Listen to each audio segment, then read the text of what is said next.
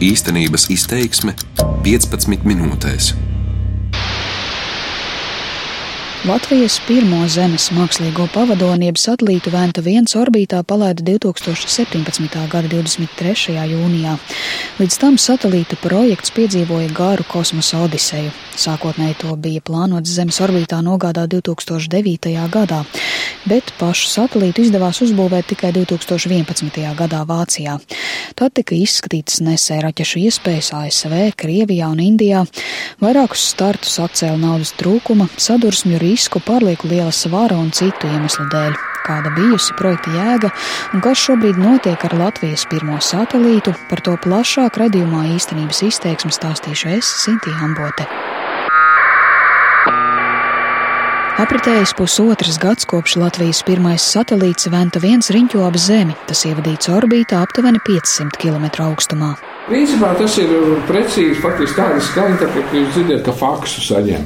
Jā, nu, arī ne šādi gluži kā mēs te fonā dzirdam Morzes sāpēc, arī, arī nē, bet tas ir nu, nu, tāds ar, ar augstu neatšifrējams. Bet šobrīd jau viss tās sakari ar, ar satelītiem tā ir digitāla tehnika. Tur, tur tā neviens īpaši nerunājās ar balsi. Tā, tā ir faktiski ciparu kodu pārraide un ciparu kodu uztveršana. Pēc tam ir tā atšifrēšanu, saprast, ko tad, ko tad mēs esam saņēmuši. Tas ir projekta koordinators profesors Aigars Krause. Viņš Ventspils augstskolas telpās rāda satelītu uztveršanas zemes staciju. Trīs nelielas telpas, apkārta dažādas iekārtas, fonā radio uztvērēja signāli, pie sienas lieli datorekrāni. Tajās pašās programmās ir uh, desmit dienu prognoze par mūsu satelītu Venta vien, par Venta viens uh, kustību. Ja? Tātad šodien viņš vecos vairs nerāda, tagad šodien pusdeviņos vakarā. Pusdeviņos vakaros ar elevāciju 37 grādi. Nu, tas ir ļoti slikti, diezgan zemu. Nu, virs horizonta viņš būs. Viņš tā gar malu kaut kur aiziet. Mēs tādas parasti nu, nevaram uztvert. Mm. Vienā no ekrāniem redzama pasaules karte. Tajā atzīmēts maršruts, pa kuru virzās kustīgs roms, kas ievilkts zilā aplī. Roms ir satelīts un aplis ir uztveršanas areāls. 90 grādi tas ir tieši virs galvas, ja? bet nu, 60 grādi tas ir labi. Ja Zemes stacijā Ventas viens signālus var saņemt tikai 10 minūtes dienā, kad satelīts pārlido pāri Latvijai īstajā leņķī. Šobrīd satelīta signāls jau ir ļoti vājš.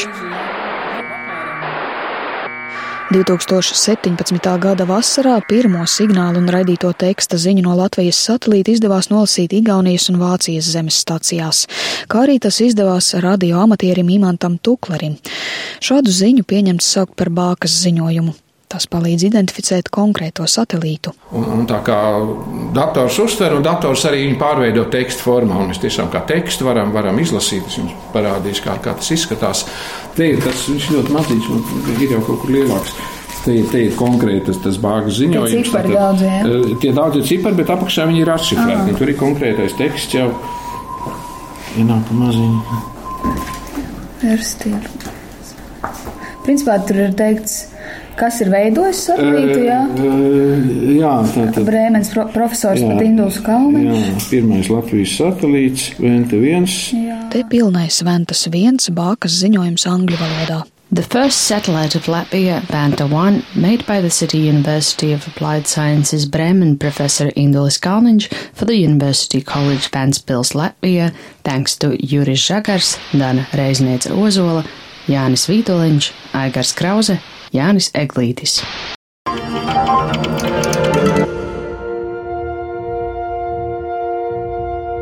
Par pašmāju satelīta izveidas jēgu un pielietošanas mērķiem. Satelītā ir iebūvētas divas funkcijas. Pēc došanās kosmosā, diemžēl, darbojas tikai viena - starp satelītu sakaru kanāls, stāsta Krause. Mūsu satelīts var sazināties, ir kosmosā speciāli sakaru satelīti. Viņš noraida šo signālu uz tiem sakaru satelītiem, tie savukārt noraida uz Zemi kur uh, mēs faktiski tā kā e-pasta veidā, e, veidā saņem, saņemam šīs ziņas.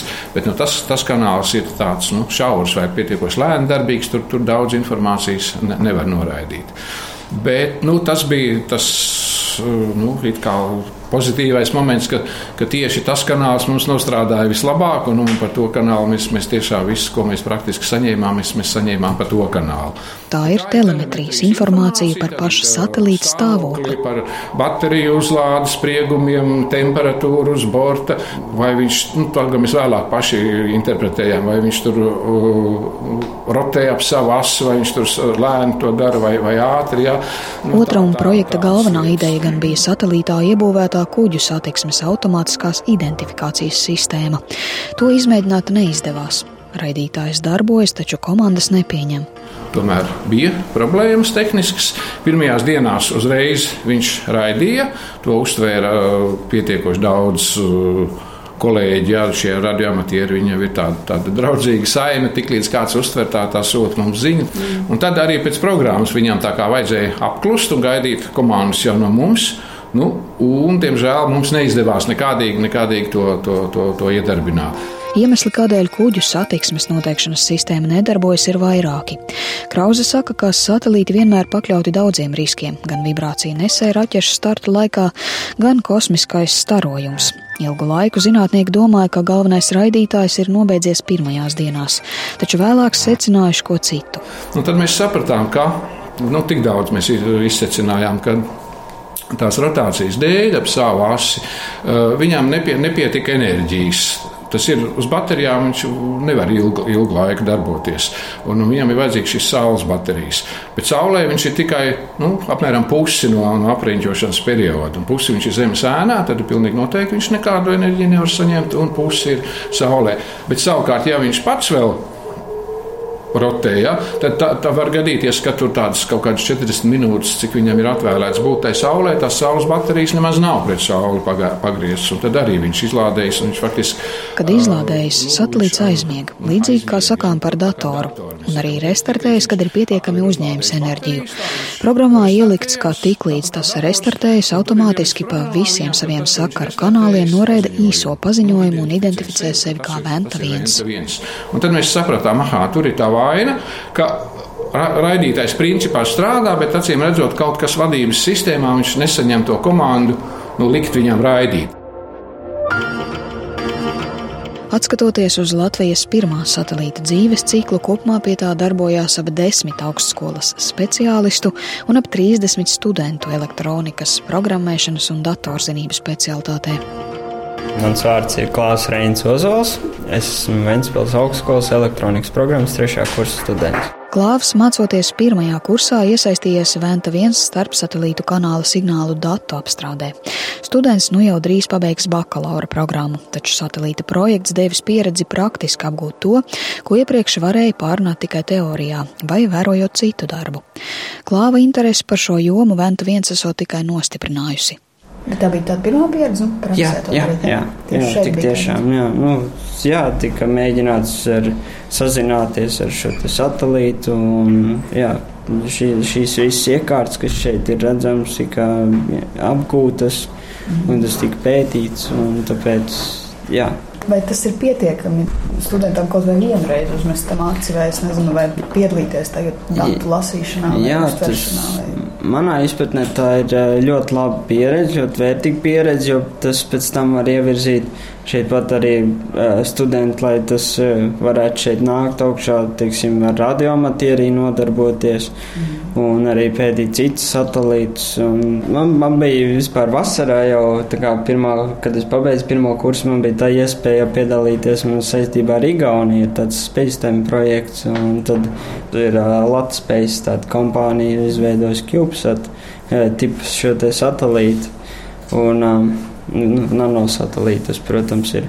Un man bija tā iespēja arī ar viņu izpētīt un tā veidot tādu kā grafisku vidi šim te mācību līdzeklim, kā nu, satelītam. Gins Dreifogels maģistra studiju programmu elektronikā pabeidza 2017.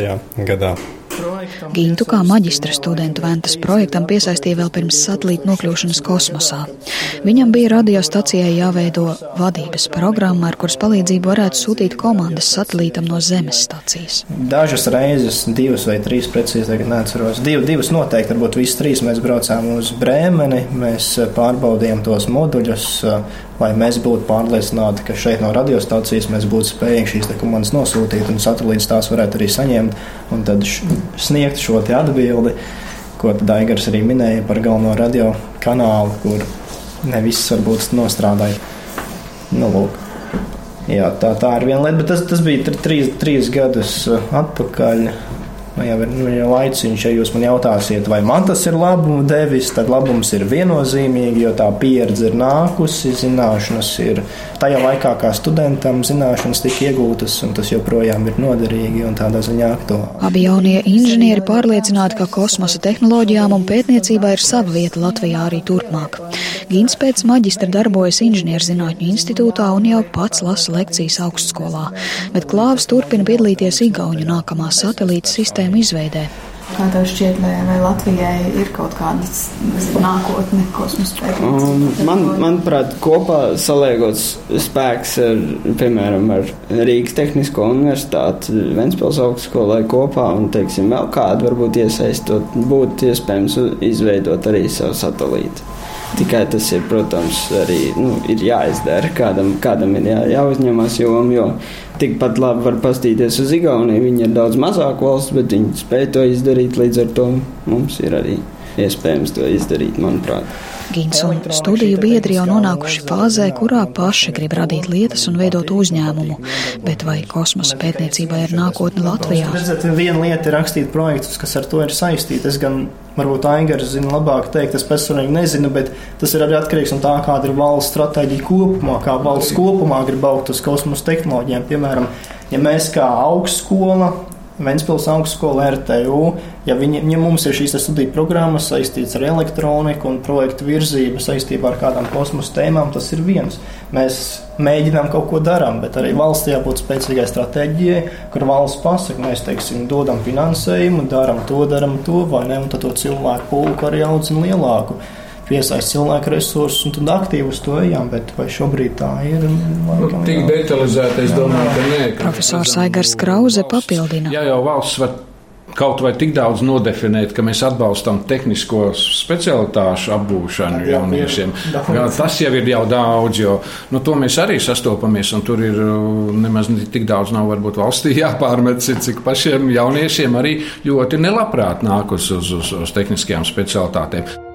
Projekta izmaksas ir ap 350 tūkstošiem eiro no valsts naudas. Summā ietilpst satelīta būvniecība, sadarbībā ar Brēmenes augstskolas profesoru Indulu Kalniņu un citiem speciālistiem Vācijā.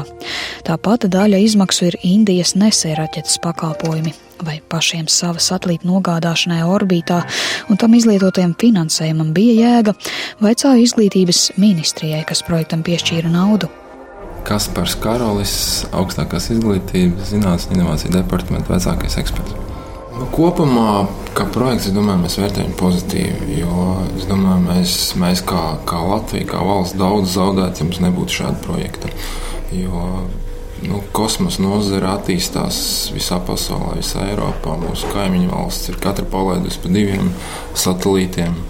Pieņemot, ja kādreiz mēs gribēsim vēl kādu satelītu būvēt, tad šis ceļš jau būs iziets, saka Karolis. Iziets, ja kaut vai tām pašām radiofrekvencēm, ar kurām tur, saprot, bija četru gadu ilga ņemšanās un nevarēja vien, vien viņas pareizās dabūt, un, un arī to, tā, tās raķetes meklēšana, visi tie kontakti, nu, tā ir tāda joma, kurai ir jāiziet cauri. Ja. Ir kaut kādas indikācijas par turpinājumu, nu, proti, par otro satelītu, kā minējāt, abām kaimiņu valstīm ir pa diviem, vai no ministrijas puses eh, būtu interesi arī finansējumu meklēt tam, ja būtu interesi no nozares puses savukārt? Tāda indikācija nav, un es apšaubu, ka eh, tāda satelīta izstrāde varētu notikt tādā veidā, kāda tā notika tajā 2008. gadā.